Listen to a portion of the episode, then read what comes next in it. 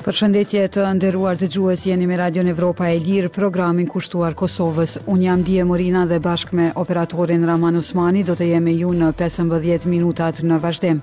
Fillimisht ju njohim me titujt kryesorë. Mbrojtje gjithëpërfshirëse, koncepti i ri i Kosovës për mbrojtje. Shqipëria pranon dronët Bajraktar dërgohen në bazën e NATO-s në Kuçovë. Masa të rrepta të sigurisë afër zonës ku do të varroset opozitari rus Aleksei Navalni. Për këto dhe informacione të tjera qëndroni me ne. Radio Evropa e Lirë është media e pavarur amerikane e themeluar nga Kongresi i Shteteve të Bashkuara të Amerikës. Misioni ynë është promovimi i vlerave dhe institucioneve demokratike. Parlamenti Evropian ka thënë në një rezolutë që e miratoi dje se besueshmëria e Bashkimit Evropian dëmtohet nga mungesa e suksesit në dialogun e ndërmjetësuar nga blloku ndërmjet Kosovës dhe Serbisë. Në rezolutën e miratuar për rezultatet e politikës së jashtme dhe të sigurisë së BE-së, përmes së cilës flet për nevojën e rritjes së ndikimit të BE-së në botë dhe për një qasje më të vendosur edhe ndaj rajonit të Ballkanit Perëndimor, Parlamenti Evropian gjithashtu i paralajmëron Kosovën dhe Serbinë edhe për pasoja nëse mungon zbatimi i marrëveshjeve të dialogut. Por Parlamenti Evropian i bëri thirrje Bashkimit Evropian që ta ndryshojë qasjen në dialog në mënyrë që të ketë përparim. Ftojmë BE-në që të miratojë një qasje të re në ndërmjetësimin mes palëve në mënyrë që të tejkalohet ngecja aktuale. Rikujtojmë se dështimi i këtij dialogu po ashtu do të reflektojë në rolin e BE-së si një faktor i besueshëm në politikën e jashtme, thuhet në tekstin e këtij raporti. Ky është një raport që përfshin temat nga raportet e BE-së me Shtetet e Bashkuara, bashkëpunimin me NATO-n, forcimi i kapaciteteve evropiane të mbrojtjes, lufta kundër fushatave të dezinformimit e deri tek situata në rajonin e Ballkanit Perëndimor, përfshirë edhe raportet mes Kosovës dhe Serbisë. Sa i përket Kosovës, në këtë raport dënohet sulmi terrorist ndaj zyrtarëve policorë më njëzet e katër shtator në Banjskë të Republikës së Kosovës, si dhe provokimet e tjera. Në këtë rezolutë, Parlamenti Evropian kërkon që të sillen para drejtësisë të gjithë ata që kanë përgjegjësi për sulme terroriste në veri të Kosovës, dhe kërkon që nëse dëshmohet se Serbia kishte gisht në to, të ndërmerren masa kundër qeverisë së Serbisë. Palëve u kërkohet që të punojnë për t'i ulur tensionet dhe për t'i shmangur retorikën apo veprimet të cilat mund të krijojnë tensione të reja. Ftojmë Kosovën dhe Serbinë që t'i përkushtohen dialogut me besim të mirë dhe frymë të kompromisit në mënyrë që pa vonesa të arrihet marrëveshja gjithëpërfshirëse, ligjërisht obliguese për normalizimin e marrëdhënieve mes tyre bazuar në njohjen e ndërsjelltë në përputhje me të drejtën ndërkombëtare, thuhet në një pikë të këtij raporti. Rezoluta i paralajmëron Kosovën dhe Serbinë se dështimi për të shënuar përparim në normalizimin e marrëdhënieve do të ketë ndikim negativ në integrimin e të dyja vendeve në BE. Ndërkohë Parlamenti Evropian thotë në rezolutën e saj se ndien keqardhje për masat kufizuese të BE-së ndaj Kosovës dhe fton në heqjen urgjente të tyre. Raporti po ashtu përshëndet aplikimin e Kosovës për anëtarësim në BE dhe kërkon nga Komisioni që të përgjigjet ndaj këtij aplikimi.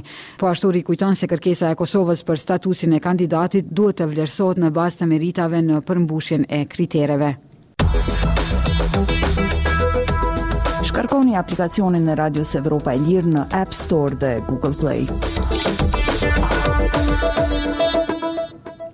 Një ndër prioritetet kryesore të Ministrisë së Mbrojtjes së Kosovës është koncepti i ri mbrojtje gjithëpërfshirëse që nënkupton se qytetarët mund të përfshihen në mbrojtje, siguri dhe emergjenca civile.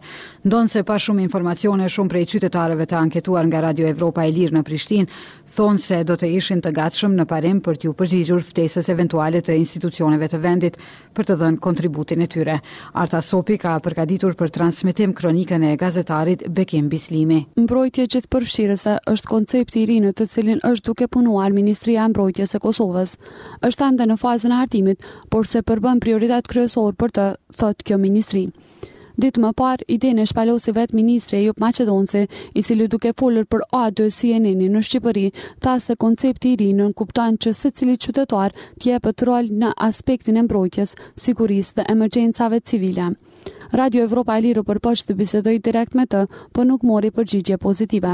Nga institucioni që ai udhëheq, REL-it iu tha se koncepti i ri i mbrojtjes gjithëpërfshirëse është në përputhje me rrethanat e krijuara viteve të fundit, kur strategjia e luftës dhe interferimit në shtete me qëllim destabilizimin kanë ndërruar dukshëm duke u bërë më hibride se kurrë. Ky koncept përbën një plan reagimi kombëtar të të gjithë shoqërisë, në rast të gjendjes së jashtëzakonshme, kur ka nevojë për masa mbrojtëse emergjente, tha Ministria e Mbrojtjes së Kosovës. Ajo nuk iu përgjigj pyetjeve të Relit se çfarë konkretisht do të bëjnë qytetarët, si do të përgatiten për mbrojtje, nga kush dhe për sa kohë. Kryeministri i Kosovës Albin Kurti prej vitesh ka paralajmëruar se do ta jetësojë shërbimin e obligueshëm ushtarak në vend, por deri më tani nuk ka pasur ndonjë hap konkret në këtë drejtim. E pyetur nëse është hequr dorë nga kjo ide, Ministria e Mbrojtjes nuk u përgjigj. Ndonëse pa shumë informacione për konceptin e ri, shumë prej qytetarëve të anketuar nga Radio Evropa e Lirë në Prishtinë thonë se do të ishin të gatshëm në parim për t'iu përgjigjur ftesës eventuale të institucioneve të vendit për të dhënë kontributin e tyre. Për mua është e pranueshme edhe ne i bëj apel shtetit që të ketë interes në këtë çështje. Me profesion jam ekolog, në shërbim të vendit kisha pas hapësirë, kisha pas ku për gjithçka. Rinesa Koca thotë po ashtu se do t'i përgjigjej pozitivisht ftesës eventuale të institucioneve për t'u stërvitur për mbrojtje. Po besoj që po, është një diçka interesante me mësu kur e din sidomos motivin. Motivi është gjithë me dashtë vendin edhe me mbrojtë. Bylent Kajraku mbështet idenë që qytetarët të marrin njohuri bazike të mbrojtjes. Po edhe në çfarëdo nevoje kur të thërret vendlindja je i gatshëm. Besoj që po. Kur gjen dy javë kohë për me shku n'pushim, gjen edhe dy javë kohë për këtë. E Arjana Radoniqi shpreh mendim ndryshe. Profesion jam ekonomiste, kështu që mund me jap kontribut në qatë profil, në qatë fushë, mirëpo për me marrë pjesë në ushtri, ose me qenë, me marrë trajnime në qatë aspekt, jo. Unë personalisht nuk kisha pas dëshirë. Rreth dy javë më parë, Maqedonci, gjatë raportimit në Komisionin Parlamentar për Çështje të Sigurisë dhe Mbrojtjes, e informoi edhe këtë trup se dikasteri i tij është duke hartuar konceptin e mbrojtjes gjithëpërfshirëse. Nënkryetari i këtij komisioni, Enver Dugolli, nga Lëvizja Vetëvendosje në pushtet, thotë se Maqedonci i njoftoi për qëllimin e konceptit, i cili sipas tij është më i madh se veç shërbimi i detyrueshëm ushtarak. Pra synon ky koncept që të gjithë t'i bën hisedarë në mbrojtje, siguri, pra që të kemi njëfarë lloj databaze edhe të strukturume, e cila na jep pasqyrën e qartë me ato kapacitete që posedon faktikisht Republika e Kosovës. Deputeti i Partisë Demokratike të Kosovës në opozitë, Hisen Berisha, i cili është edhe anëtar i Komisionit Parlamentar për Çështje të Sigurisë dhe Mbrojtjes, e cilëson si të papranueshëm konceptin e përfshirjes së qytetarëve në stërvitje për mbrojtje, por edhe opsionin e shërbimit të detyrueshëm ushtarak.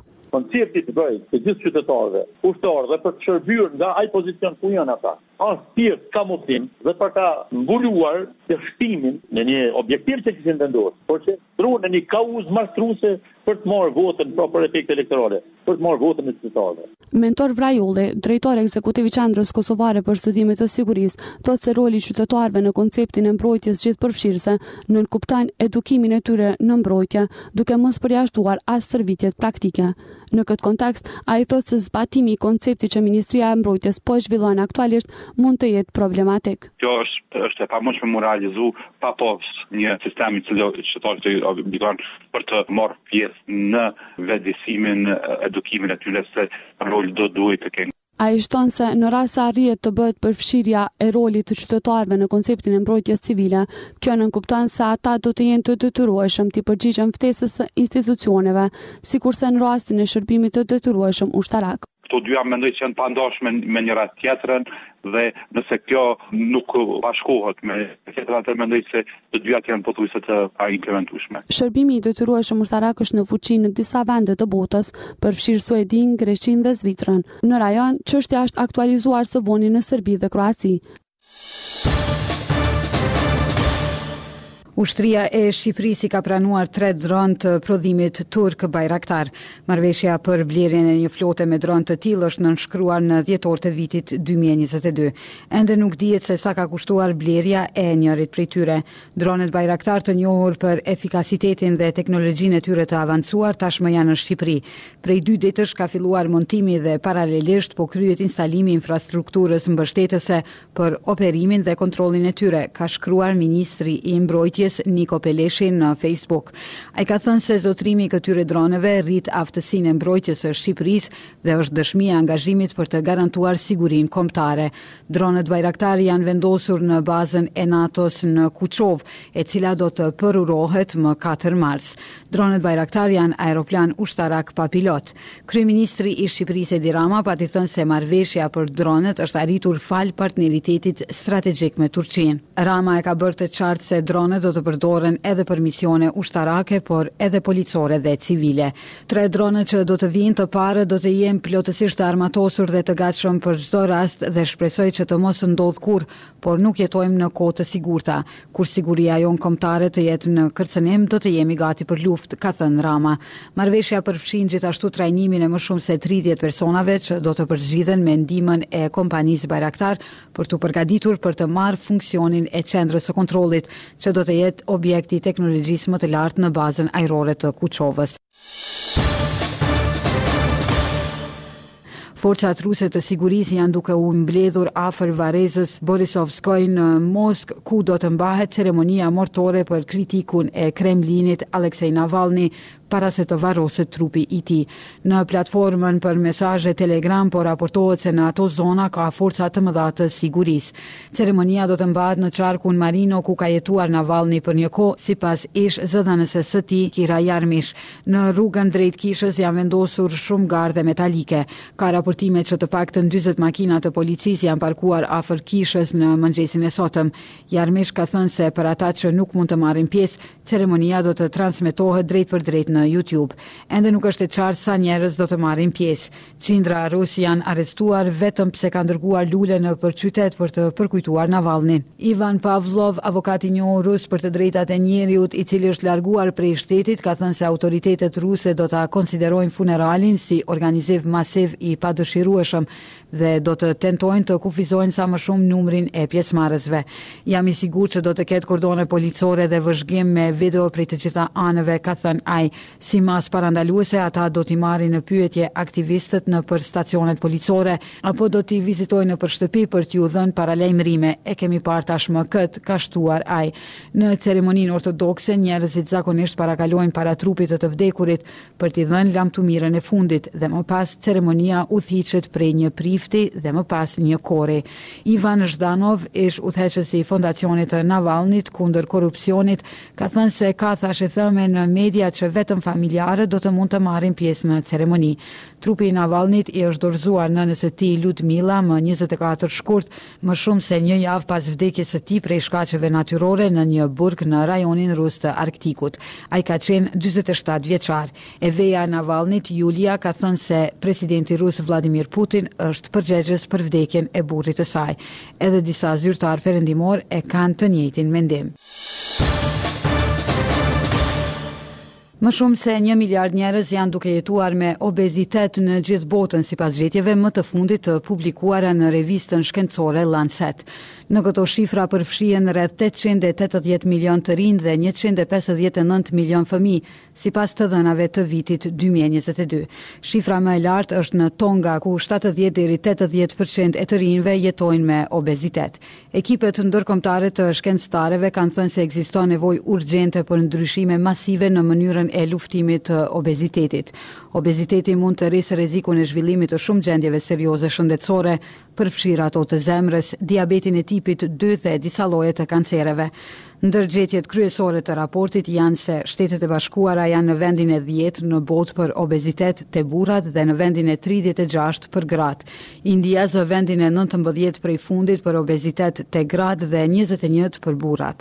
Në krahasimin mes vitit një mijë e nëntëqind e nëntëdhjetë dhe dy mijë e njëzet e dy është gjetur se shkalla e obezitetit është katërfishuar në mesin e fëmijëve dhe adoleshentëve.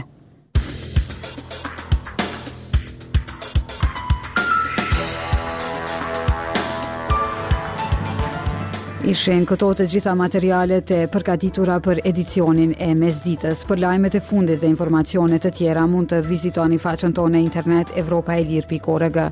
Jemi aktivë edhe në rrjetet sociale Facebook, X, Instagram, Threads dhe YouTube. Deri në takimin tonë të radhës, mirëmbetshi.